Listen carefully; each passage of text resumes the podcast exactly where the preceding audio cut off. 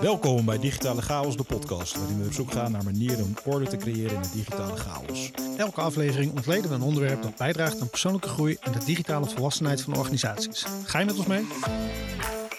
Mijn naam is Christian Slierendrecht, ondernemer, auteur en marketingstratege. En mijn naam is Jasper Giepsma, ondernemer, UX-stratege en business designer. we moeten dit toch beter voorbereiden. Ja, dit het soort dingen. gaan Ja, Het was ook in eerste instantie ook best wel chaotisch. Ja, eigenlijk wel. Het is nog steeds een beetje chaotisch. we zoeken nog steeds een beetje naar wat nou, wat nou precies eh, eh, de, de, de, de rode lijn is in het hele verhaal. van elkaar. Dus eh, welkom, leuk, leuk dat je aanschuift in de, in de podcast. Eh te gast vandaag hebben we Edwin Dijkstra. Eh, ik pak even zijn LinkedIn profiel erbij, want eh, ja, daar kennen veel mensen hem ook van. Eh, Edwin is freelance Google Ads specialist en auteur van Super Freelancer. Nou, inmiddels doe je volgens mij ook al nog veel meer dan dat. Eh, leuk om even bij stil te staan. Eh, welkom Edwin. Ja, dankjewel uh, dat ik uh, mee mag doen aan deze podcast. Volgens mij een heel leuk onderwerp waar uh, veel mensen ofwel mee struggelen of een hele duidelijke mening over hebben. Dus ik ben benieuwd waar het naartoe gaat.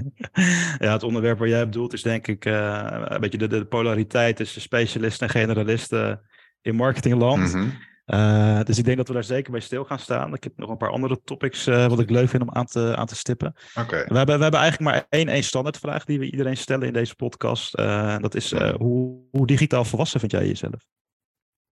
Hoe digitaal volwassen vind ik mijzelf? Um, ik denk dat ik redelijk digitaal volwassen ben. Ik bedoel, ik ben opgegroeid met het internet. Heb veel gedaan op het internet en ik verdien er al mijn geld eigenlijk mee. Dus ik denk dat ik redelijk digitaal volwassen ben. En zou, je, zou je iets meer kunnen vertellen over jou, jouw reis als ondernemer tot nu toe? Een beetje je, je, ja, jouw verhaal daarachter. Hoe is dat bij jou verlopen? Ja, ja is goed. Um, ik, um, ik wilde eigenlijk altijd al wel iets doen met ondernemen, maar ja, ik wist niet echt waar te beginnen. Dus ik ging gewoon de klassieke route van studeren uh, afleggen. Um, maar toen kwam ik er tijdens mijn studie eigenlijk achter dat die richting waar dat op ging, dat paste niet bij mij. Dat was echt de mediawereld. En uh, toen kwam ik um, in Groningen terecht voor een stage. En vrij snel daarna, toen kwam ik een aantal jongens tegen uit, uit Dokkum, waar ik ook vandaan kom. En die hadden een internetbureau.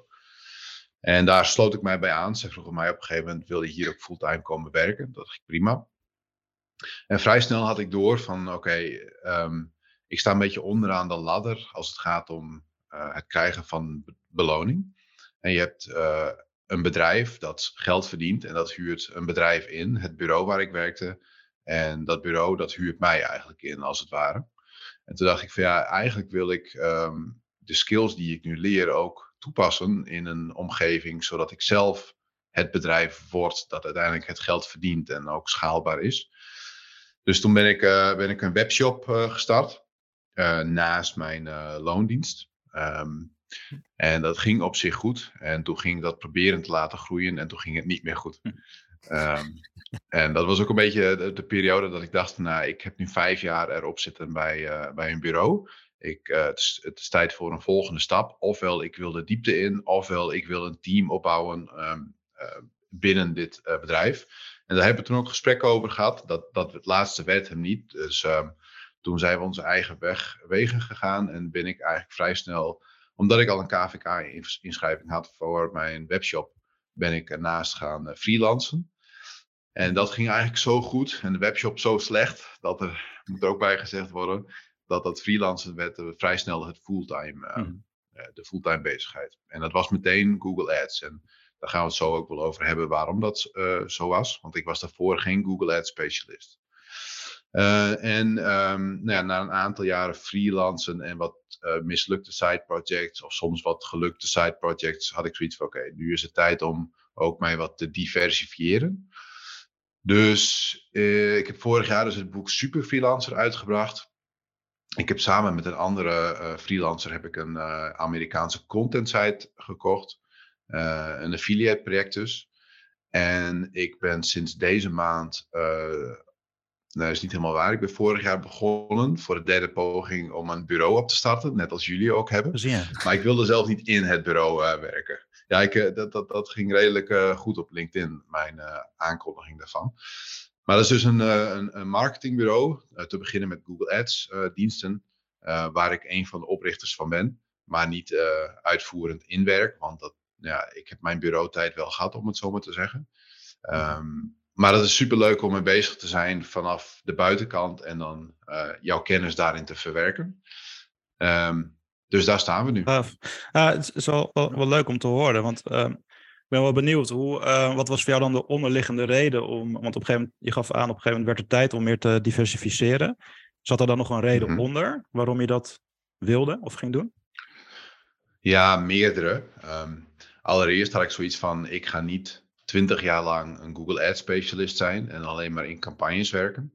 Uh, ten eerste vind ik dat, uh, vond ik dat toekomstperspectief niet echt aantrekkelijk. Ten tweede vond ik dat ook een beetje een uh, waste of talent, zeg maar. Um, ik heb het idee dat er meer in mij zit dan alleen maar freelancen en voor een paar klanten werken. En dat, ik vind het leuk werk, maar ik, er zit iets in mij dat ook zegt, ik kan meer dan dat. En dat wil ik ook laten zien aan mezelf en de buitenwereld.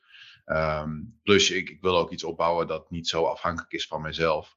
Um, dat wanneer ik een keer lang op vakantie wil of een sabbatical wil, dat de inkomstenstromen niet afhankelijk zijn van mij als uh, persoon. Ja, ja. Nou, er kwam, kwam net ook een zinnetje in me, in me, op. En dat is ook een beetje een bruggetje naar, naar thema's uh, specialisten versus uh, generalisten. Of misschien wel zelfs multipotentialisten. Maar want jij positioneert, positioneert jezelf heel duidelijk als specialist. Um, ja. uh, maar je, je, bent veel meer dan dat, of tenminste, je doet meer dan dat eigenlijk. Hè? Dus je hebt een boek, mm -hmm. je hebt een, uh, of jullie zijn bezig met een event. Uh, level Up was dat toch? Ja. een een ja, aan het ja. bouwen, dus, dus zeg maar, is het dan niet dat je jezelf positioneert als specialist, maar in de kern misschien toch wat meer een multipotentialist bent? Ja, ik denk het wel. En dit is ook wel een heel interessant uh, punt. Want um, als je veel van de discussie ziet op LinkedIn, uh, die gaan over specialisten versus generalisten. Uh, een van de meest gebruikte argumenten van generalisten is: ja, maar ik vind het saai om specialist te zijn. En um, ik, ik, vind dat een beetje een verkeerde manier om ernaar te kijken. Want je kunt jezelf aanbieden als specialist, maar je kunt jezelf als generalist nog steeds inzetten voor andere zaken. En um, ik heb het idee dat veel mensen de discussie te, te simpel maken. Van of je bent specialist en dat is het enige wat je doet en je doet er niks naast. Of ze kijken alleen naar um, de vraagkant. En dus er was laatst ook een post op LinkedIn. En ja, het is goed om generalist te zijn, want klanten willen dit X, Y of Z. En dat is ook een te simpele manier om er naar te kijken. Um, het gaat er vooral om ook wat jij zelf wilt als persoon of als um, ondernemer wilt aanbieden. Uh, dus ja, ik, ik, bied mij heel specifiek aan als specialist, want er zitten hele grote voordelen aan. Maar dat beperkt mij niet om ook nog andere dingen daarnaast te doen. Ja. We hebben, we hebben een keer, ik kan inderdaad vragen, uh, Jasper, wat jouw visie erop want we hebben hier ook een keer een aflevering over gemaakt, over het thema. Ja. Nou, hmm. wat ik interessant hier ook aan vind, is uh, het, het, het, het, valt iets vergelijkbaars op bij mij uh, bij dat soort discussies, is dat het vaak wordt gezien als. Waar, waar, waar ik altijd eerst op aansla is van. Maar vanuit welk oog kijk je naar dat specialisme? Zeg maar, kijk je het vanuit kennis? Kijk je het vanuit vak? Kijk je het vanuit rol? Uh, hmm. Kijk je het vanuit um, een stukje echt beroep, zeg maar, wat je op zo'n moment doet? En dat is wel interessant wat je hier ook zegt. Van je bent misschien um, in je marketing of in jouw um, diensten die je aanbiedt wel gespecialiseerd. Maar in de rol of het beroep wat je daarbinnen uitoefent, ben je wat meer generalistisch ingesteld. Van hey, -hmm. je kan op datzelfde onderwerp kan je boeken schrijven, maar je kan ook events organiseren. Je kan ook ondernemer zijn, je kan ook agency runnen. Dus dat is wel. Um, ik denk dat dat ook vaak een beetje de, de nuance is die mist in zo'n discussie. Van, maar hoe definieer je nou het stukje specialisme of waar, waar waar plak je het label nu op, zeg maar? Ja, ja ik heb ook een, uh, een presentatie vorig jaar gehouden op, uh, op een freelance event. Dat ging over specialiseren en met name over specialisatieangst.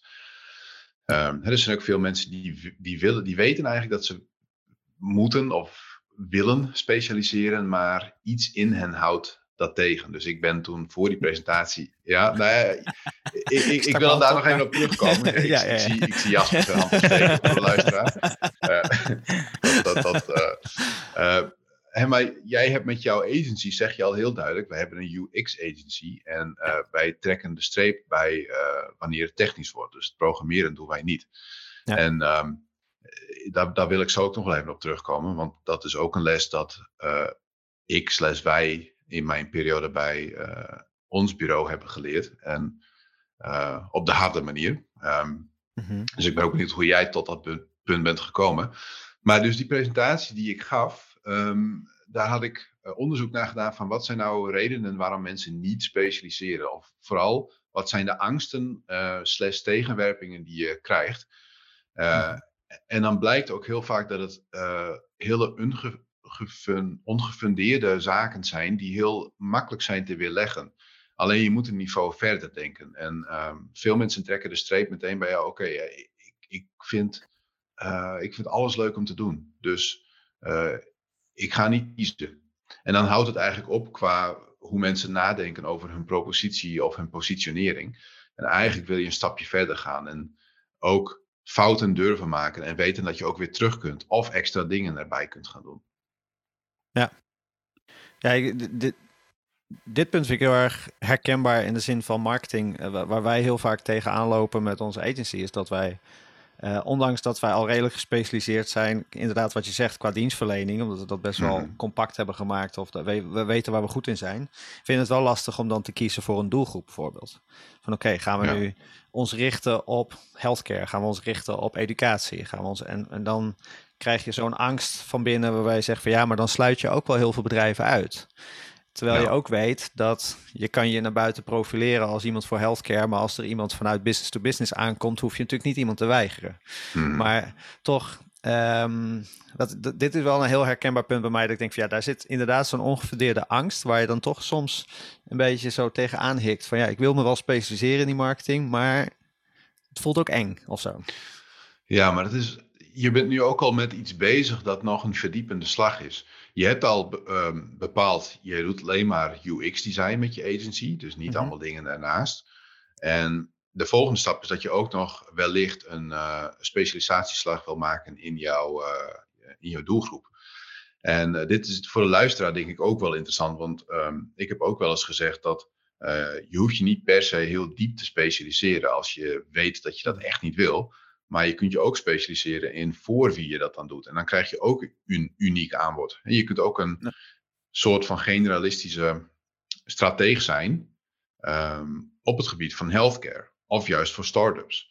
En dat, dat is ook een manier om je te specialiseren. Dus dat je hiermee bezig bent, dat zegt al dat je, um, dat je al redelijk ver bent in jouw reis om uh, uh, waar je echt naartoe wil met je, met je, met je agency. Um, ja, ik ben wel benieuwd hoe jij tot dit punt gekomen bent, Jasper. Waarom heb je dit zo afgekaderd en waarom speel je met deze vraag nu, met die doelgroep? Um, is dat gekomen uit een eerdere route waar het mis is gegaan? Of, of weet je gewoon dat dit zo moet? Ik wil horen dat je ook wel uh, podcast-ervaring hebt. Hè? maar uh, nou, kijk, waar wij ooit vandaan kwamen is dat wij, um, uh, wij zijn ooit in het hele begin begonnen met het idee dat we een branding agency wilden worden. En um, wij waren ontzettend lang bezig met filosoferen over van wat betekent dat dan? Wat is branding? Mm wat willen we doen? We hadden een duidelijk beeld. Wij kwamen allebei, of ik en mijn zakenpartner, allebei uit een context waarin we veel werkten voor startende ondernemers. En we hadden zoiets van, we willen een niveau hoger gaan. Dus dan moet je met een goed verhaal komen. En we zeggen altijd, de fundering van ons bedrijf is uh, droge worst, kaas en wijn. Want daar hebben we eigenlijk de eerste paar maanden vooral aan over gefilosofeerd wat, wat, wat nou branding is. Maar waar wij achter kwamen is dat toen wij een heel verhaal hadden van nou, we hebben een soort eigen visie op branding. Een eigen soort we hadden uh, belevingsmerken, zeg maar. Dus uh, merken die impact willen doen, merken die um, um, um, waarde willen creëren, dat soort zaken. Hmm. En toen dat eenmaal een beetje op een reisje hadden, toen gingen we een beetje kijken naar de concurrentie in die markt. En toen zagen we eigenlijk dat iedereen dat had gedaan. Elk brandingbureau heeft zijn eigen verhaaltje. Elk brandingbureau heeft zijn eigen type merk. Elke Ehm, en daardoor zagen we eigenlijk van ja, doordat we ons zo anders wilden maken, zijn we eigenlijk precies hetzelfde als de rest. En dat um, mondde uiteindelijk erin voort dat we onze passie vonden in UX design en in digitaal design. En ja, toen zijn we daar zeg maar steeds meer in gaan, gaan specialiseren. Ook omdat daar voor ons alles samenkwam. Dus het stukje onderzoek, het stukje menselijkheid. Dus hoe, echt bezig zijn met dingen maken voor mensen die voor, eigenlijk voor de eindgebruikers. Dus echt daarmee in gesprek gaan, daar het onderzoek bij doen. En ja, dingen als human-centered design, design thinking, wat is nog meer, UX, lean, startup methodes, al dat soort dingen kwamen voor ons samen onder de noemer UX design. En dan specifiek gericht in dit geval op digitale producten. Dus we kwamen er eigenlijk gaandeweg achter waar onze passie enigszins lag. En mhm. ja, dat mondde uiteindelijk uit in een soort specialisatie. Ja, en dus ook, um, um, je kwam, je begon het verhaal met je werkt een beetje voor de, de kleinere klanten op, op dat mm punt. Dat, dat niveau wilde je ontstijgen. Dus het is ook uh, niet alleen je, je, waar ligt je passie, maar dus ook welke doelgroep kunnen wij bedienen die we eigenlijk willen bedienen. Um, ja. met, met welke specialisatieslag? Dat was eigenlijk de vraag dus.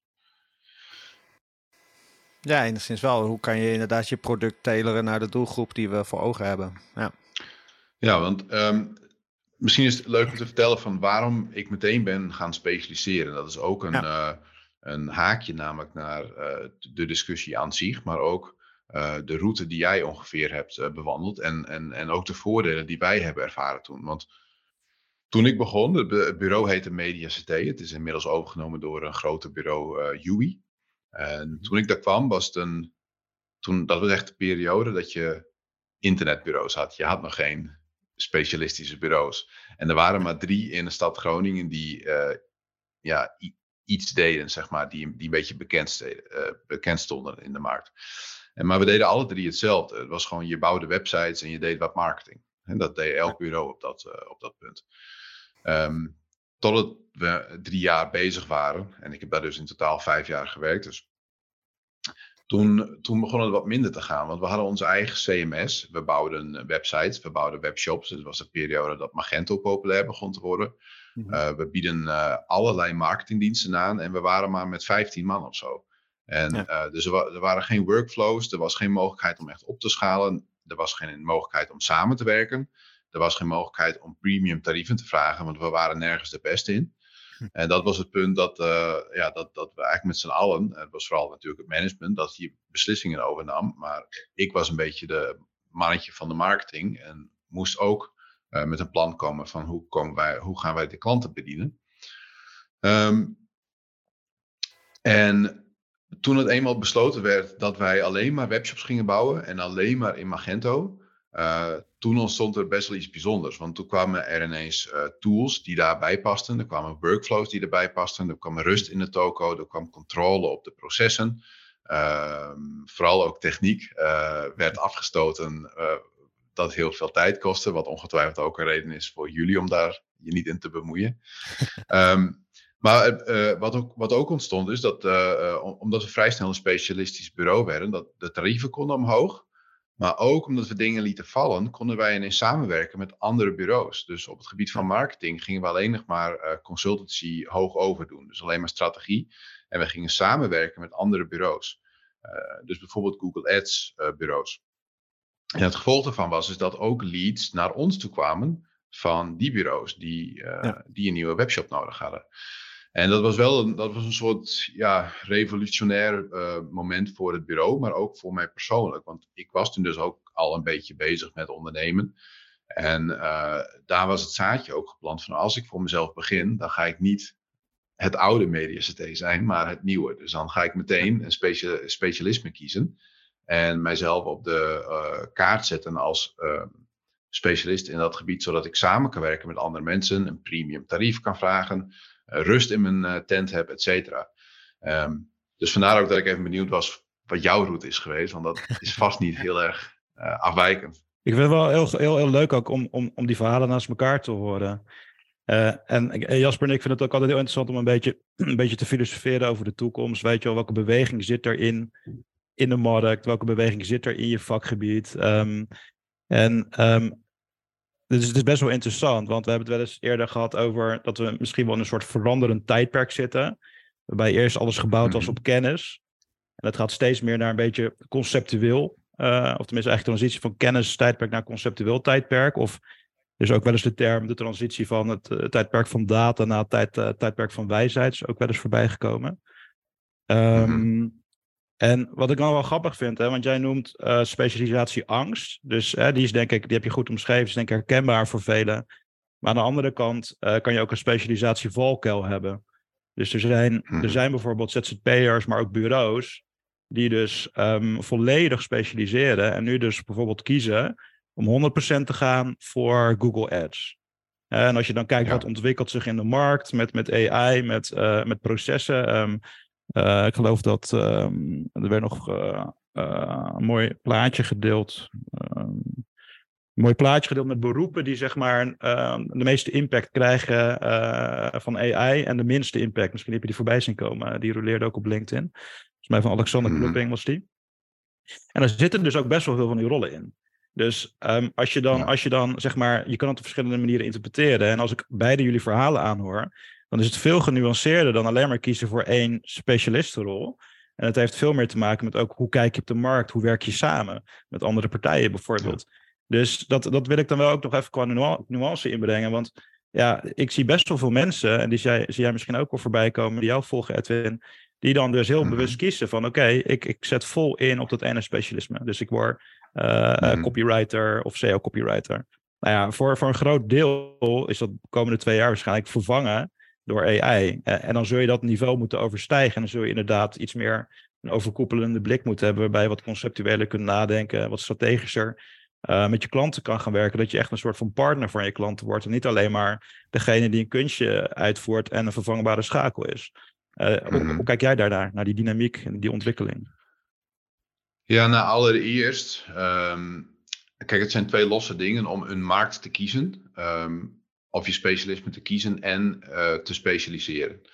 Ehm, het, toen, toen, toen ik voor mezelf begon als fulltime freelancer, toen ben ik ook gaan zitten eh, en gaan kijken welke skills heb ik. Want ik, was, ik had nog nooit iets gedaan met Google Ads campagnes hands-on. Maar ik wist dat de komende tien jaar er een enorme vraag zou zijn op dat gebied. En dat er niemand voor zou worden opgeleid in de komende jaren. En uh, dat bleek ook zo te zijn. En daarom was dat in die tijd, en nog steeds geldt dat in grote mate wel, een, een gouden periode voor Google Ads marketeers.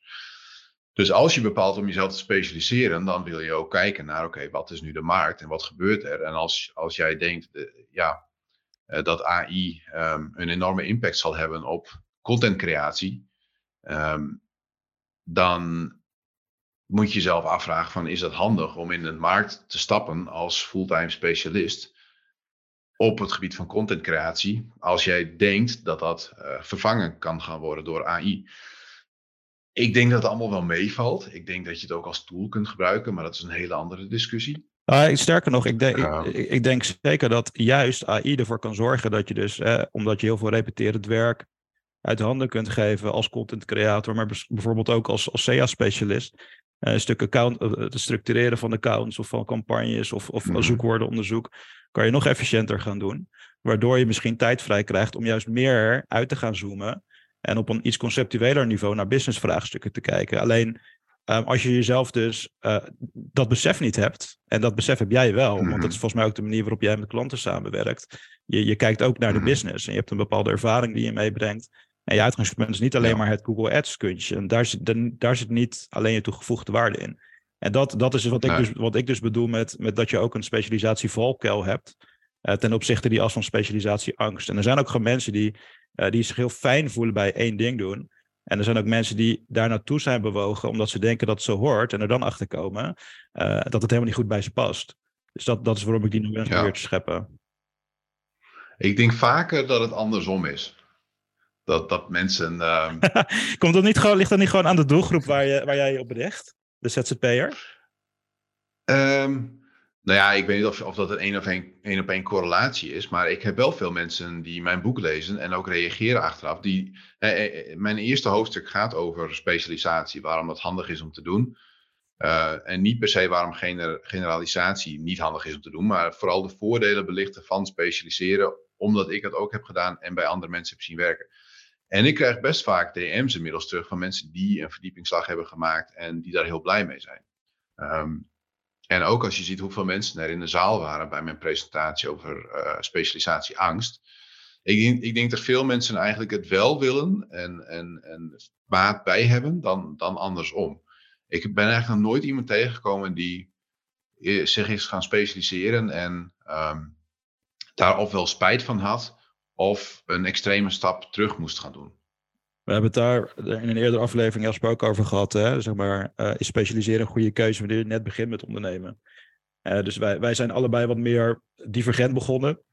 Maar eigenlijk, ja. eigenlijk komen wij ook tot de conclusie van als je nu opnieuw zou moeten starten, dan is het wel handiger om je, uh, om, ja, om je gewoon vanaf het begin een bepaalde mate van specialisatie mee te brengen. Omdat het gewoon makkelijker is om je op de korte termijn ook in de markt te zetten en te verkopen. Ja, ja maar ook, ook, ook dat is wel weer van.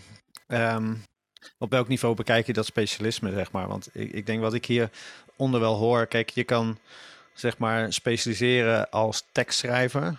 En dan zien van nou dat is mijn specialisatie, maar nog wel gewoon um, een, een, um, een brede focus hebben op je skills bijvoorbeeld. Want ik hoorde het net Mhm. ook al even zeggen, je skills die, die eronder liggen.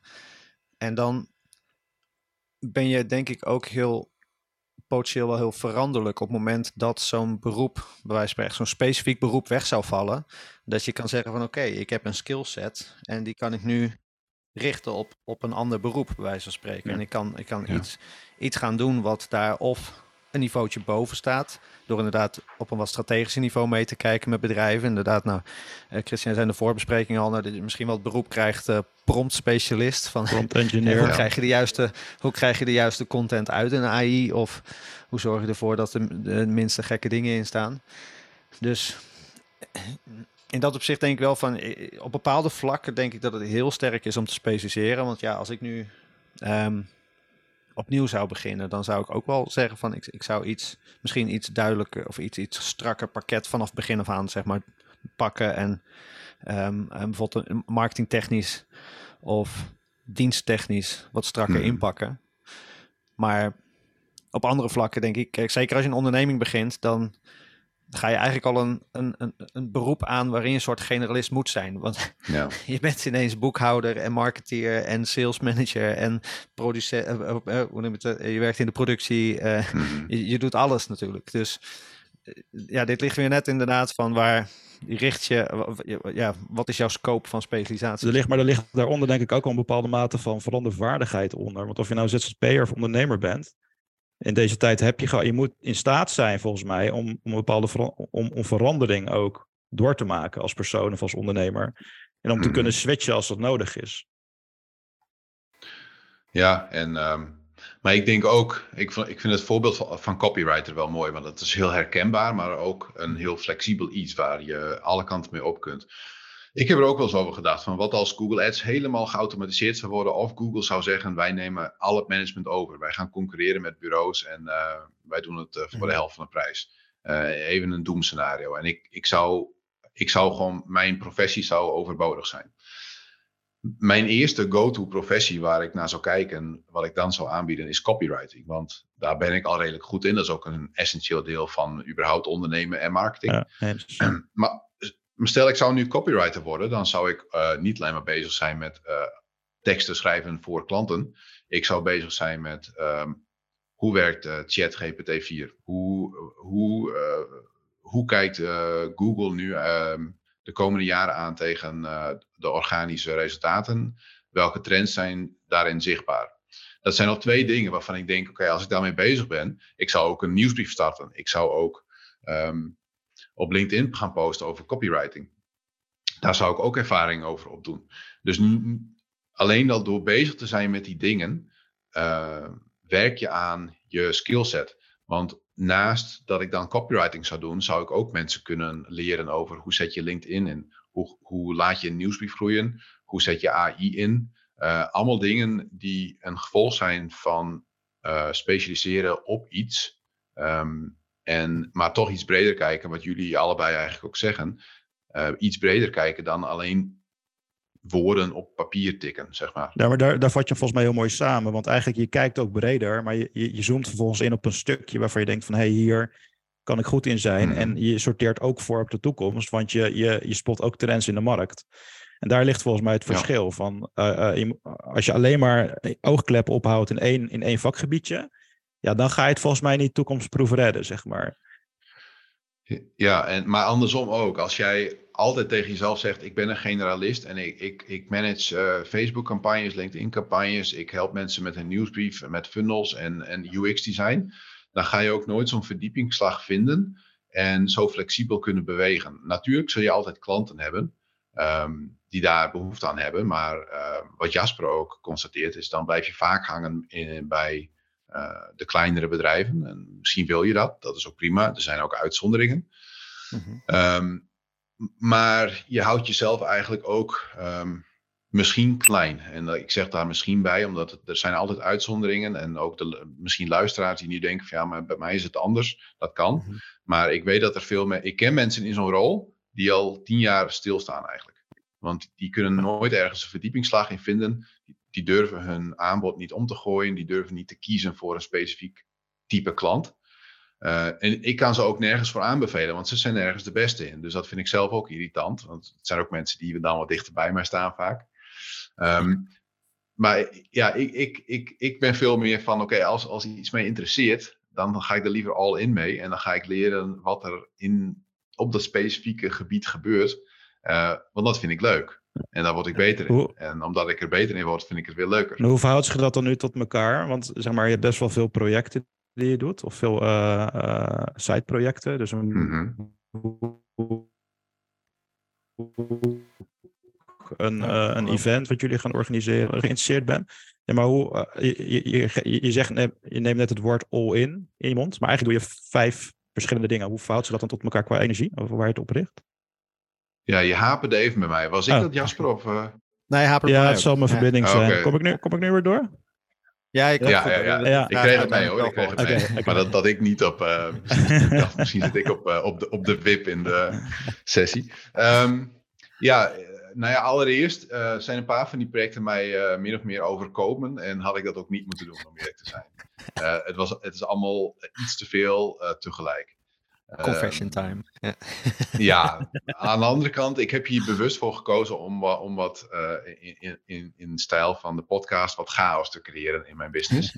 Uh, want ik geloof er ook in dat je soms als je iets te complacent bent, iets, alles is iets te comfortabel, dan, dan heb ik zoiets van, dan, dan wil ik wat chaos creëren en dan vind ik daarin de ruis wel weer.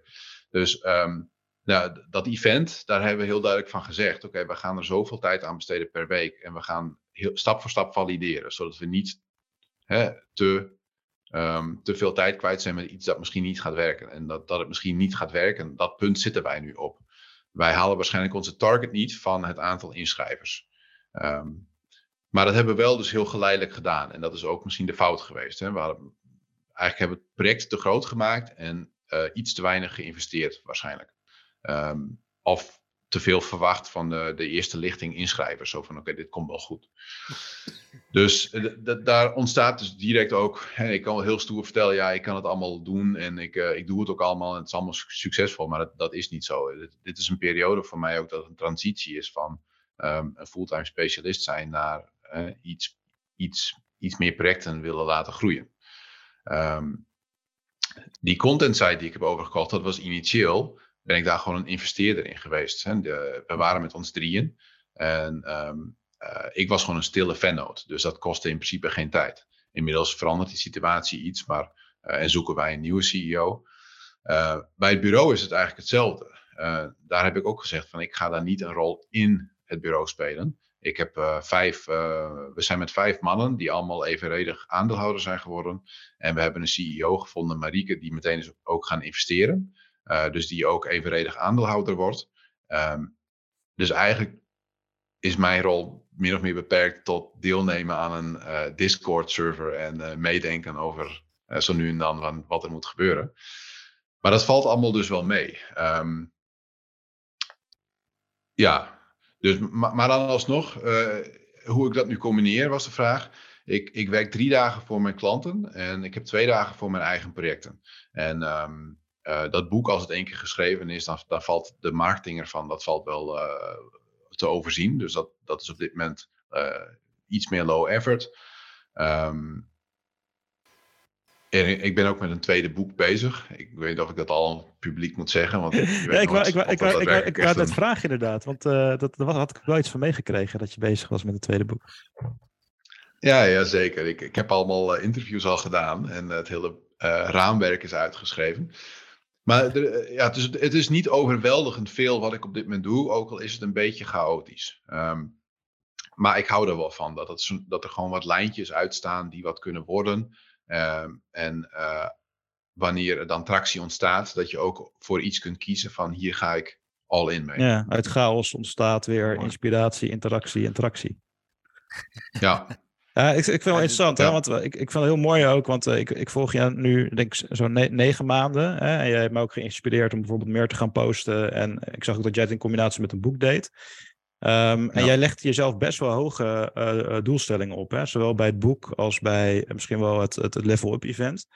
Uh, is ja. dat dan zeg maar een mechanisme wat jou, wat jou uh, vooruit helpt om die doelen zo hoog te leggen? Of heb je daar dan voor de volgende keer een learning uit dat je het de volgende keer anders doet? Hoe, hoe, hoe, hoe, kijk je daarnaar? Oh nee, ja, ik heb dat nodig. Um, en dat is niet, niet per se om arrogant te doen, om die doelen zo hoog te leggen of, of, of om stoer te doen. Het is meer uh, op een gegeven moment heb, um, ja, hoe zeg je dat? Je hebt iets bereikt en je wil dat het volgende wat je doet um, op grotere schaal is, of meer impact heeft, of voor jou meer uh, impact heeft, financieel bijvoorbeeld. Uh, als je op een gegeven moment iets, en ja, je, je hebt wat geld verdiend met je freelance en je hebt het goed geïnvesteerd, hè, dus je hebt een fatsoenlijke cashflow, dan, wil je, dan, dan word ik niet meer geïnspireerd door iets wat een minimale impact gaat hebben op die cashflow. Dus gewoon een boek schrijven en uitbrengen en zien wat er gebeurt. Dat zou mij niet meer motiveren. Dan denk ik van ja, ik kan die tijd veel beter besteden aan iets wat ja, veel leuker is misschien. Of veel meer impact zal hebben. Dus voor mijn boek heb ik toen ook gezegd, oké, okay, als ik dit ga doen. Wanneer word ik blij? Dus wat motiveert mij om dit te gaan doen? En dat was op dat moment, uh, oké, als ik 10.000 boeken kan verkopen in een jaar dan motiveert dat mij. Ten eerste omdat het 10.000 freelancers zal uh, helpen in hun, uh, in hun ondernemerschap zo. Met lessen die mij afgelopen tien jaar hebben geholpen. Maar ook financieel was mijn business case dat ik er dan 250.000 euro winst aan zou overhouden. En toen dacht ik van ja, oké, dan is het ook gewoon een goede investering. want zo'n boek schrijven, dat kost gewoon 300 tot 500 uur. En dan heb je het nog niet eens over de marketing dan is het ook uh, te verantwoorden als een investering van mijn tijd ten opzichte van wat er financieel voor terug moet komen. En datzelfde hebben we eigenlijk gedaan voor het Level Up Event. Van of het moet groot en succesvol, anders heb ik geen zin om eraan te beginnen. En hetzelfde met het bureau wat we nu starten. We hebben als doelstelling, um, dus dat moet nog niet, pin me hier niet helemaal op vast, want het, zijn nog, uh, het moet nog gekristalliseerd worden. Maar waar het naartoe moet, is dat we over drie jaar uh, met zo'n 200 man zitten. En dat is wel een beetje een ballpark. Dus um, daar hebben we ook in die gesprekken discussies gehad van ja, maar moeten we niet langzaam beginnen en, en gewoon toewerken naar een team van 20 specialisten. En denk van ja, maar daar word ik helemaal niet enthousiast meer van. Maar is dan, is dat, dan, dat heb ik al. Is, is dan die, die onderliggende drijfveer vooral uh, uh, cashflow en, en schaal in de zin van mensen? Of ligt daar ook nog iets, iets anders onder voor jou?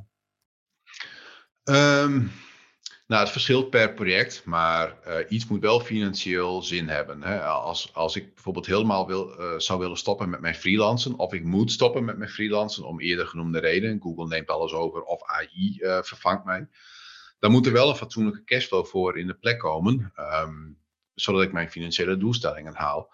Dus het heeft dan niet zin om aan een project te starten wat heel veel risico heeft en relatief weinig kans op slagen. Ik, ik, ik, las deze week een poster over. Dat heette uh, asynchroon risico, maar dan in het Engels. Was een Engelse post. En uh, dat ging specifiek over dit onderwerp. En wat bij mij in mijn hoofd altijd wel speelt, maar niet zo mooi uitgelegd en visueel als hij dat deed, Dat ging erover dat ehm, heel veel ondernemers kiezen voor iets wat heel veel risico heeft en heel veel effort kost, maar relatief weinig upside heeft. En een typisch voorbeeld daarvan zijn bijvoorbeeld auteurs. Die investeren honderden uren in iets, uh, terwijl maar um, 1 tot 5 procent van de boeken uh, hen een significante cashflow oplevert. Uh, het zijn vooral intrinsieke motivaties waarom mensen een, een, boek bijvoorbeeld schrijven. Ja. Um, maar dan denk ik van ja, dat is leuk als je intrinsiek, uh, als ik intrinsiek een boek wil schrijven, maar als, als ik daar 500 uur mee investeer en ik hou daar 100 euro per maand aan over het jaar daarna, dan is dat geen vervanging voor mijn freelance bestaan. Zo grappig, want waar, die is heel erg herkenbaar, zeg maar. Hè? Dat, veel, dat zie je ook in de managementboek hoek, Dat veel managementboekauteurs op een gegeven moment een boek schrijven. En dat komt voort uit een intrinsieke motivatie. Want ja, voor het geld moet je geen boek schrijven, wordt vaak gezegd.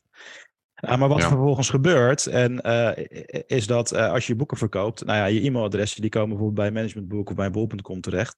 Terwijl als je dat in eigen beheer zou hebben, dan kan je natuurlijk gewoon ook een soort van start van je funnel of je training of je coaching verkopen. En dan is je business case wel heel ja. anders, weet je wel. En dan zou je dus een soort van, mm -hmm. dan kan je dus een soort intrinsieke motivatie combineren met een goede business case. en dan kan je volgens mij die impact ook nog groter maken. Die, die, uh, ja. ik, waar ik op een gegeven moment ook wel een keer, ja, ik weet niet meer welke post van jou dat was, maar um, kijk, de, de, je hebt op een gegeven moment ook bewust een stap gemaakt om voor jezelf te beginnen. En uh, uh, je ageert mm -hmm. soms ook een beetje tegen de kantoortuin en misschien een mm -hmm. beetje combineert met, met een introvert karakter. Dus dat, dat, herken ik zelf ook heel erg. Ik heb die omgeving ook meegemaakt. dus, dus ergens zit daar volgens mij ook tenminste, daar haak ik dan op aan hoor. Maar eh, een, een, soort, misschien wel een intrinsieke drijfveer om andere mensen dan te helpen om een stap te zetten die ze anders niet durven, weet je. Dat, uh, dat, is, ja. dat staat dan nog los van je, uh, van je motivatie die te maken heeft met, met nummertjes of getallen. Um, die ligt wat dieper. Ja, het zijn, ja nee, kijk, intrinsiek zal, zal altijd um, iets starten. Hè? Je, je wilt iets, hè? je begint niet met het geld. Uh, ja, of wel, maar ik ken weinig ondernemers die zeggen, ja, ik wil zo snel mogelijk naar uh, een miljoen omzet per jaar bijvoorbeeld. Die zijn er wel. En natuurlijk maar doet iedereen die exercitie wel eens met uh, bepaalde getallen. Maar uiteindelijk begint de motivatie om met iets te starten uit iets diepers dan cijfers. Uh, het schrijven van een boek ook. Dat, was, dat kwam uh, voort uit dat ik mijn kantoor deelde met uh, een aantal andere specialisten of, of, freelancers. En er kwam ook een nieuwe, een verse freelancer bij uit de bureauwereld. En ik merkte dat ze heel veel hadden aan de kennis die ik deelde. toen dacht ik, ja, dat is leuk, maar ik, ik zit hier elke keer hetzelfde te, te vertellen. Waarom schrijf ik dit niet uit in een e-boekje? En dat e-boekje werd uiteindelijk een boek. En, en dan komen, komen de vragen, als het echt tijd gaat kosten, van oké, hoe kan ik deze tijd ook uh, monetizen op de juiste manier? En de fout die ik toen heb gemaakt is wat jij zegt, Christian. Dat, uh, er had een verdienmodel achter het boek moeten zitten. En ik was te, ik was te rooskleurig over de cijfers die het boek aan zich uh, zouden kunnen doen. En voor de luisteraar, ik heb nu, ik denk, tussen de 12 en 1300 boeken verkocht in plaats van de 10.000. Um, maar het, als ik nu dit tweede boek ga schrijven, dan weet ik ook, voordat het boek af is, is er een upsell naar een masterclass. En ik weet ook precies wat die masterclass gaat zijn en uh, hoe, hoe ik dat ga upsellen. Um, puur omdat um, aan een boek zelf, ook al verkoop je er, ook al zou ik die 10.000 halen, wat, wat nou, ik weet niet of dat echt realistisch is. Maar het is veel interessanter om dan een upsell te hebben naar een digitaal product, bijvoorbeeld van 150 euro dat, dat, gaat, dat is echt gewoon een game changer, changer als het gaat om het monetizen van de tijd die je hebt geïnvesteerd in het boek. Uh, want zo'n cursus maken, dat kost je misschien een week of twee weken tijd. En dan is het af. Ja. Heb je, heb je al, kun je al een tipje van de sluier oplichten? Heb je al een werktitel voor je nieuwe boek? Uh, ja, ik heb een werktitel en ik kan ook wel vertellen waar het over zal gaan. Um, supergeneralist, denk ik. De supergeneralist. ja, dat zou, dat zou wel een mooie zijn. Gewoon heel, heel, hard de specialisme pitchen. Ja. En als, als, als, als dan mensen gaan haten in de comments, dan. Ja, ja, Oké, okay, nou, ik heb de oplossing voor je. um, nee, het, het, is juist, het is juist een, een, een, uh, een, een, vervolg op Superfreelancer. En uh, het zal een boek ga, uh, worden dat zal gaan over hoe je je kennis omzet naar producten. Dus hoe je eigenlijk jouw kennis loskoppelt van tijd dat je verkoopt. Dus ik heb mensen geïnterviewd die een betaalde nieuwsbrief hebben, die daar succesvol mee zijn. Mensen die e-books hebben, mensen die offline trainingen hebben, uh, mensen die e-mail funnels opbouwen om hun trainingen automatisch te verkopen. Um, mensen die affiliate marketing doen bijvoorbeeld, hè, die hun kennis omzetten in een blog en met affiliate uh, uh, links geld verdienen. En de werktitel zoals hij nu is, heet, is ook in, in lijn met Superfreelancer, dat is cheat code. Um, maar ik ben er nog niet helemaal over uit of dat catchy of het is clever, maar het is niet clear. Dus daar ben ik nog niet helemaal over uit. Maar dat, dat zal het volgende boek worden. Heb je alleen nog een beschrijvende ondertitel nodig? Ja, en, maar dat, ben ik dus, dat vind ik dus een beetje slap. Dan ga je een titel hebben die niet duidelijk is. En dan heb je een subtitel nodig om hem uit te leggen. denk dat, ja, uh, dat, is precies waar, dat, dat is precies waar ik tegenaan liep met mijn boek. Met deze. Het wordt eens volwassen. Ja. Dat, die titel, die, ja, het is wel als je hem leest, dan, dan, dan snap je het, weet je wel. Maar het is Ja. natuurlijk super fijn als je gewoon een, een, een hoofdtitel hebt die meteen duidelijk maakt waar het over gaat. Ja, en ook, ik weet niet hoe jij er nu tegenaan kijkt, maar toen het boek ook uit was en ik dacht eerst, ik verkoop het alleen via mijn eigen site, binnen mijn eigen bubbeltje. Maar toen kwam het natuurlijk ook bij Managementboek en bij Bol.com en toen ontdekte ik dat je gewoon bij al je boekhandels je kunt aansluiten via het Centraal Boekenhuis. Dat wist ik van tevoren ook niet allemaal, want daar was ik, niet, ik was gewoon aan het schrijven. Um, maar nu denk ik van ja, het is ook compleet geen SEO-titel wat ik heb. Waarmee ik dus voor de luisteraar dus bedoel van eigenlijk idealiter heb je een boek met een titel dat hetzelfde is waar de mensen naar zoeken uh, waarvoor het boek is geschreven. Zodat jouw boek overal bovenaan staat als mensen erop gaan zoeken. Dus dat speelt ook in mijn achterhoofd. Dus, eh, heb jij dat ook of, of ben ik is dat mijn marketing? Uh... Ja, ja, ik weet niet. Ja, ik, ik ben zelf ook begonnen vanuit de SEO-hoek. En de, de, route bij mij was een beetje SEO, affiliate marketing, uh, SEA erbij. nou ja, een bureau neerzetten. Ik, ik zou bij een nieuw boek zou ik daar denk ik, ik zou dat niet, ik zou me daar niet helemaal op blind, blind staren. Mhm. Mm -hmm. um, want feit is toch dat een, een, boek moet toch altijd vermarkt blijven worden. En het zou natuurlijk super mooi zijn als je, zou je bijna een short tail zoekwoord moeten hebben. Maar ja, dan, dan moet het echt zo spot on zijn. En dan moet die domeinnaam ook vrij zijn. Dat, ja, ik weet niet of die titels er genoeg zijn, laat ik het zo zeggen. Ja, ik, ik, twijfel hier dus over. Want als je dus ziet. Um, um, er zijn een aantal succesvolle boeken die echt gewoon letterlijk in de titel hebben verwerkt. En ik heb ook wat case studies gelezen. Um, of podcasts over geluisterd volgens mij. Van mensen die dat daadwerkelijk doen. Die gewoon een soort Amazon spelletje hebben van oké. Er, er, er, ontstaat de vraag van how does uh, artificial intelligence work? En misschien nog iets specifieker. Als je dat dan specifiek als een boektitel gebruikt. Dan zie je dat je met je Amazon links best wel goed gaat scoren, mm. bijvoorbeeld. Of andere boeken, boekenhandels. En daar kun je dan ook een podcast over maken met diezelfde werktitel, bijvoorbeeld. Het voordeel is dan wel dat je echt uh, een soort evergreen uh, strategie hebt. Uh, zolang mensen zoeken op die zoekterm, zal jouw product relevant blijven, zeg maar. Ja. ja, ik zit meteen even te googlen hoor. Digitale productcreatie. Maar dan zie je ook als eerste, als eerste resultaat of tweede resultaat zie je ook een copyblogger resultaat met how to create digital products. Weet je wel, als je zo'n titel zou hebben voor jouw boek, ja, dat zou natuurlijk goud zijn. Ja.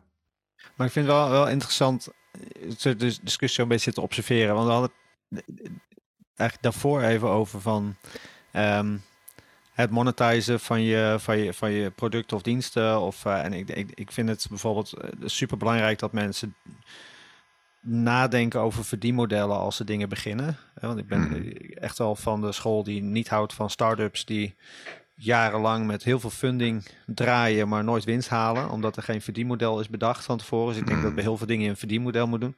Maar ik ben ook een beetje allergisch voor boeken die geschreven lijken te zijn uit een verdienmodel. Ja. Dus dat je ehm, misschien begint bij het verdienmodel en dan een boek gaat schrijven. Want dat hoor ik hier nu ook een beetje uit. Hè? Dat Mhm. je kijkt naar waar wordt veel op gezocht op Amazon. En ik ga daar een boek over schrijven. Als je snel met de pen bent, zeg maar, kan je natuurlijk gewoon even verdiepen in AI. En als je gewoon een inleidend boek schrijft, ja, dan maakt het onderwerp niet zoveel uit. Want dan kun je Mhm. overal waar je in verdient en je gaandeweg je notities bij maakt, eh, eh, heb je een boek. Alleen Ja. toch voel, ik dat, voel je dat ook wel weer als je zo'n boek leest. Ja. En dat vind ik ook wel een trend, denk ik, in managementboeken is dat, en ik hoorde dat Christian bij jou ook ehm, in lichte mate hoor, want je, je hebt best wel een, in dat op zich wel weer een eigenwijs boek, maar dat er ook wel weer uitgevers een grote vinger in de pap hebben die zeggen van, um, de, in ieder geval de grotere uitgevers, die zeggen van ja, marketingtechnisch moet je het wat zo schrijven, of marketingtechnisch moet je het hmm. kleiner maken, of je moet een woord claimen en dat heel erg uitdiepen en wat extremer in gaan mhm. staan, zeg maar. Omdat dat vermarkt lekkerder in een, in een, in een managementboek. En denk je van ja, dan mis je wel het originele boek wat iemand had willen schrijven of de originele verzameling van kennis wat iemand had willen schrijven. En dat... Ja, ik vind het een heel interessant onderwerp, want, want ik heb hier ook mee gestruggeld. En ik ben heel eigenwijs geweest in mijn eerste boek en heb gezegd, ik ga mhm. alles op mijn eigen manier doen. inclusief de titel en, en de cover en, en um, dat is, ik, ik, ik heb het ook zelf uitgegeven voor de luisteraar. Dus er was ook niemand die mij vertelde wat wel en niet mocht. En dat heeft voor- en nadelen. Um, maar maar ik, heb, ik ben heel eigenwijs geweest en, en, heb gezegd: Dit is mijn boek. Dit is, dit is mijn verhaal. Dit, zijn mijn lessen van de afgelopen tien jaar. En ik ga het op mijn manier uh, vertellen en vermarkten. En als het niet verkoopt, prima. Dan ben ik de enige die daar schuldig aan is. Um, maar toch heeft het dus niet het resultaat bereikt. Um, dat, dat ik had willen bereiken. Dus 10.000 boeken verkopen in het eerste jaar. Nu is die doelstelling misschien te ambitieus, kun je zeggen. Maar ik, ik, eh, er zijn cases van mensen die het wel hebben gedaan.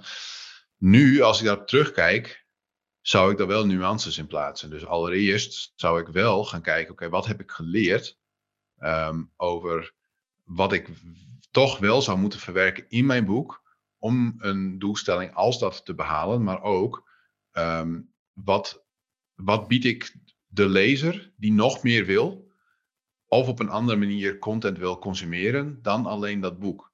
En jij noemt het als een soort, ja, eh, eh, eh, ik snap precies wat je bedoelt. Want eigenlijk als je naar de business sectie gaat van een boekenwinkel, dat zijn allemaal veredelde folders. Dat zijn gewoon eigenlijk brochures. Ja. Um, dus hoe, ja, en dat wil je eigenlijk niet. Maar aan de andere kant, dat is de negatieve manier om er naar te kijken. Maar de andere kant is, Oké, als ik een boek lees en ik ben super enthousiast. En die persoon die zegt, ik heb ook een masterclass over één specifiek onderdeel van dit boek. Waarin ik helemaal uitlicht en stap voor stap ga, jou ga vertellen hoe je dit doet. Dan ben ik zo'n persoon die zegt, oh, kom maar door, 150 dollar. Oh, en je gaat me nu leren hoe ik dit ga toepassen. Op een visuele manier gesproken uh, en verteld uh, met beeld door de auteur zelf. Ja, fantastisch. Wel, wel, leuk om te horen, want hoe het proces bij mij is gegaan. ik ben ook gewoon redelijk eigenwijs gaan schrijven. Uh, ik heb dan hybride uitgegeven, dus ik had wel volledige controle ook. Maar je werd dan wel geholpen met de redacteur, corrector, et cetera. En dan al dat, dat verhaal eromheen met aanmelden bij CB. Nou, daar hoefde ik me allemaal niet druk over te maken. Dus je had, het project werd gewoon gemanaged. Dat gaf me focus op schrijven. Um, maar wat bij mij heeft gedaan, is dat zeg maar, ja, je hebt de kennis van tien jaar ondernemen uit je lijf geschreven. Je kan een soort van boven die materie gaan hangen. En ja, ik had er ook drie verschillende boeken van kunnen schrijven, maar dit klopt voor mij, weet je wel. Dit is gewoon, dat zal waarschijnlijk voor jouw boek ook zo zijn. Je, je stopt het vol met waarde en kennis en daar hoop je mensen mee te kunnen helpen. Maar ik weet nu al dat een volgend boek zal veel meer op de, op de inspiratieas gaan hangen. En dat heeft ook te maken met meer, meer schrijven, meer posts op LinkedIn, kijken waar mensen op aangaan. Dus je leert gewoon, ik, ik zeg ook wel eens van ja, het, het schrijven van een boek is gewoon als het volgen van een MBA over je business en over jezelf. Uh, daardoor, uh, daardoor word je ook weer een stukje, ja, ontwikkel je jezelf en ga je ook andere keuzes maken, denk ik, als je een volgend boek gaat schrijven. Dat, um, ja. dat, is dat bij jou ook, ook gebeurd? Ja, ja, ja, want, want ja, ik, heb, ik heb nou wel een leuke anekdote ook, maar um, de reden dat ik nu dit volgende boek wil schrijven is ook omdat ik um, bij het schrijven van superfreelancer was ik alleen nog maar freelancer ik deed niet echt iets significants ernaast. Dus het was een heel eerlijk verhaal over hè, mijn reis van, uh, van tien jaar freelancen. Maar op het moment dat je het boek uitbrengt en je start een eigen blog en je gaat posten op LinkedIn, ben je meer dan alleen een freelancer. Want dan ben je ook ineens een auteur en een, uh, ja, hoe noem je het, een soort, ja, specialist wil ik niet noemen, maar je, je leert dingen over personal branding. Je bent, je bent een uh, personal uh, branding um, expert in wording, of zo zien mensen dat. Dus je, je, je, en je hebt dus een kennisproduct uitgebracht. Dus dat was ook de reden dat ik dacht: oké, als ik een tweede boek schrijf, dan wil ik eigenlijk de lessen uh, uitschrijven die ik heb geleerd vanaf super freelancer. En dus en, de anekdote die ik wilde vertellen is, ik heb voor het volgende boek heb ik Christ Kolen geïnterviewd, bij jullie vast niet onbekend. En die zegt precies wat jij zegt, Christian. Dus die is begonnen met een side project toen hij nog in loondienst was, waarbij hij grappig genoeg ook over copywriting ging leren. En die lessen die hij leerde over copywriting ging hij één op één vertalen in zijn nieuwsbrief en zijn post op LinkedIn. Um, dus wat hij eigenlijk zei in het interview is, wanneer je ergens goed in wil worden en je gaat erover leren, deel dan wat je leert met je doelgroep, zodat zij met jou mee kunnen leren. En uh, dat hele concept heeft hem gebracht tot volgens mij 25.000 plus e-mail lezers. En toen hij daar dus in die e-mails zijn training ging pitchen, toen zat hij eigenlijk meteen vol. Ja. Ja, maar ik vind het, ik vind het interessant, want we kwamen hierop natuurlijk vanuit um, uh, mijn, mijn, mijn, mijn vraag van, ga je um, een verdienmodel bedenken en daar een boek op schrijven? Maar wat ik bij jou ook onderliggend hoorde is van, eigenlijk je, je hebt misschien wel een beetje die, je hebt misschien wel dat in je achterhoofd bij het schrijven van een volgend boek. Maar ik hoor je ook zeggen tegelijk van ik wil mensen helpen die content op een andere manier willen consumeren.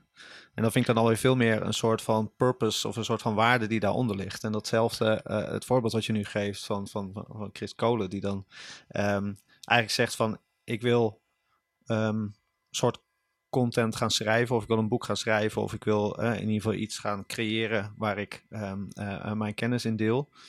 En eigenlijk ga ik die zoektocht, die zoektocht ga ik delen, die ontdekkingsreis ga ik delen. En daar ga ik mensen in meenemen. En dat is, ja, daar, daar zit ook weer een verdienmodel aan vast, of een potentieel verdienmodel. Maar de intrinsieke waarde is van, ik wil mensen meenemen op mijn reis. Dus ik vind ja. het alweer interessant. Ik denk heel veel, als ik even, namelijk mijn een voorbeeld voor mij is bijvoorbeeld menig Amerikaans managementboek. Um, of of uh, uh, nou ja, een menig Amerikaans boek. Waarin het eerste, een derde van het, van het boek gaat over. Kijk wat voor verschrikkelijke situatie ik heb meegemaakt. En hoe ik daar uitgekomen ben. Met strategie X. En daarna, hoe heb ik dat toegepast? Of allemaal voorbeelden en cases van hoe ik dat heb toegepast. En de kern van het boek is in een derde te vatten eigenlijk. Maar ik mhm. schrijf er een heel boek over, want hè, dan heb ik een middel om mijn platform aan te bieden. Of ik maak er dan wat YouTube filmpjes bij en ik uh, verdien daar mijn geld mee. En dat, dat zijn boeken denk ik die soms ontstaan zijn meer uit een, uit een soort verdienmodel. En dan plak ik dan een verhaal aan vast. In plaats van een intrinsieke waarde die eronder ligt. Ja, ik denk niet dat er iets mis mee is hoor. Ik, het is prima om te zeggen, oké, hoe, hoe kan ik mijn business promoten? En, en een boek is daar gewoon een, een middel voor. En helemaal als mensen, um, en dan kom je op dat demand uh, generation uh, stukje waar heel veel mensen op LinkedIn nu ook over posten. Um, en dan, dan kom je op het stukje personal branding ook. Als jij een merk opbouwt rondom jezelf, uh, dan is het logisch dat mensen van jou willen gaan consumeren. Want en als dat merk groeit, dat betekent dat je iets aan het delen bent dat mensen van A naar B helpt. En uh, dan is het logisch om na te denken: oké, okay, hoe kan ik dat vergroten? Hoe kan ik een amplifier hebben voor mijn business? Ja, een boek, hoe, hoe ouderwets dit ook klinkt, als je gewoon een boek hebt, dan opent dat deuren. Dan ben je ineens een autoriteit, dan ben je een auteur. Dan word je uitgenodigd voor podcasts als de digitale chaos. um, dan, nou ja. ja. dan ontstaan er wel dingen die, die misschien moeilijker te creëren zijn uh, met, uh, met iets anders dan een, uh, een boek. Dan hoor, je, dan hoor je opeens bij een soort clubje van auteurs of zo. Zo mooi, ja. Hm. ja dat, wat ik ook heel erg ervaarde, zeg maar, dat, dat, heb je bij boeken, maar ook bij het maken van podcasts, volgens mij. Als mensen je boek lezen, dan zitten ze gewoon een paar uur zitten ze in jouw hoofd. Als ze naar je ja. podcast luisteren, zit je letterlijk tussen hun oren. Dus Um, Ze bouwen een soort van band met je op zonder dat je ze misschien nog hebt gezien. En als je dan in gesprek raakt, ja, dan is er een bepaald vertrouwen waar ze op kunnen bouwen. Want ze zien gewoon dat je die waarde hebt geleverd. En dat is ook uh, volgens mij ook een beetje de nuance van uh, wat ik, wat ik Jasper beschrijven. Van ja, als, als jouw intentie achter een boek of achter een funnel alleen maar is om geld te verdienen, dan prikken mensen daar steeds mhm. meer doorheen. Hè? Dat het zelfs, zelfs hebbende over de parallel naar Dimension. Uh, het gaat ook over het bouwen van reputatie, vertrouwen, het delen van kennis, het delen van ervaringen. Um, uh, dus volgens mij, en dat volgens mij kunnen we dan straks ook mooi richting de afronding toe. Maar uh, Volgens mij vind ik dat, dat vind ik ook wel een mooie soort constatering van als je continu blijft leren en als dat dan je, je intrinsieke drijfveer is, dan, dan blijf je zelf ook, om dan in de termen van jullie event, level uppen. en je, blijft, je, blijft groeien en je helpt de anderen mee. En dat, ja, als, als het van die plek komt, dan, ja, dan is dat volgens mij een heel mooie manier om, ja, om, om, om, om de wereld ook weer wat terug te geven, zeg maar. Ik, ik, moet, ik moet even denken aan de post die jij vandaag deelde. Uh, Heb je mhm. nog top of mind? Uh... Um, ja, wat had ik ook weer gedeeld? Uh, ik heb het opgeschreven volgens mij ergens. Um... Wacht. Het ging over halers verliezen. Oh, ja, ja, ja, ja, ja. Ja, ja en ik heb er ook altijd specifieke mensen uh, in mijn hoofd voor als ik zo'n uh, post schrijf. Hoor. Dit is een hergebruikte post, wat iets herschreven van vorig jaar hoor. Even volledige transparantie. Ik ben dit kwartaal een beetje lui namelijk. Ik ben alles wat aan het recyclen. De, uh, want grappig genoeg is, volgens mij zei Jasper dat, je doet van alles naast elkaar nu. Maar dit is eigenlijk mijn rustkwartaal. Ik, ik doe eigenlijk dit kwartaal minder dan ik vorig jaar heb gedaan. In elk kwartaal ook. En dat is ook bewust hoor. Maar een van die dingen is dus dat ik uh, mijn beste content van vorig jaar wat aan het recyclen ben dit kwartaal. Maar ik heb wel specifieke mensen in gedachten als ik zoiets schrijf. Want ik kom iets tegen op LinkedIn en dat irriteert mij dan. Mhm. Iemand die klaagt over, ja, het algoritme werkt niet in mijn voordeel. Of iemand die klaagt over, uh, of, of, mensen die via WhatsApp hun LinkedIn post naar mij sturen. en Het zijn ook vrienden van mij die dit doen. Uh, ja, kun je even een like en een, uh, een comment geven. En dan ga ik naar die post toe en dan is het dan een haalpost. Ik wil iets. Ik wil een medewerker of ik, ik zoek iemand of ik wil dat iemand iets voor mij oplost. En dan denk ik van ja, klootzak.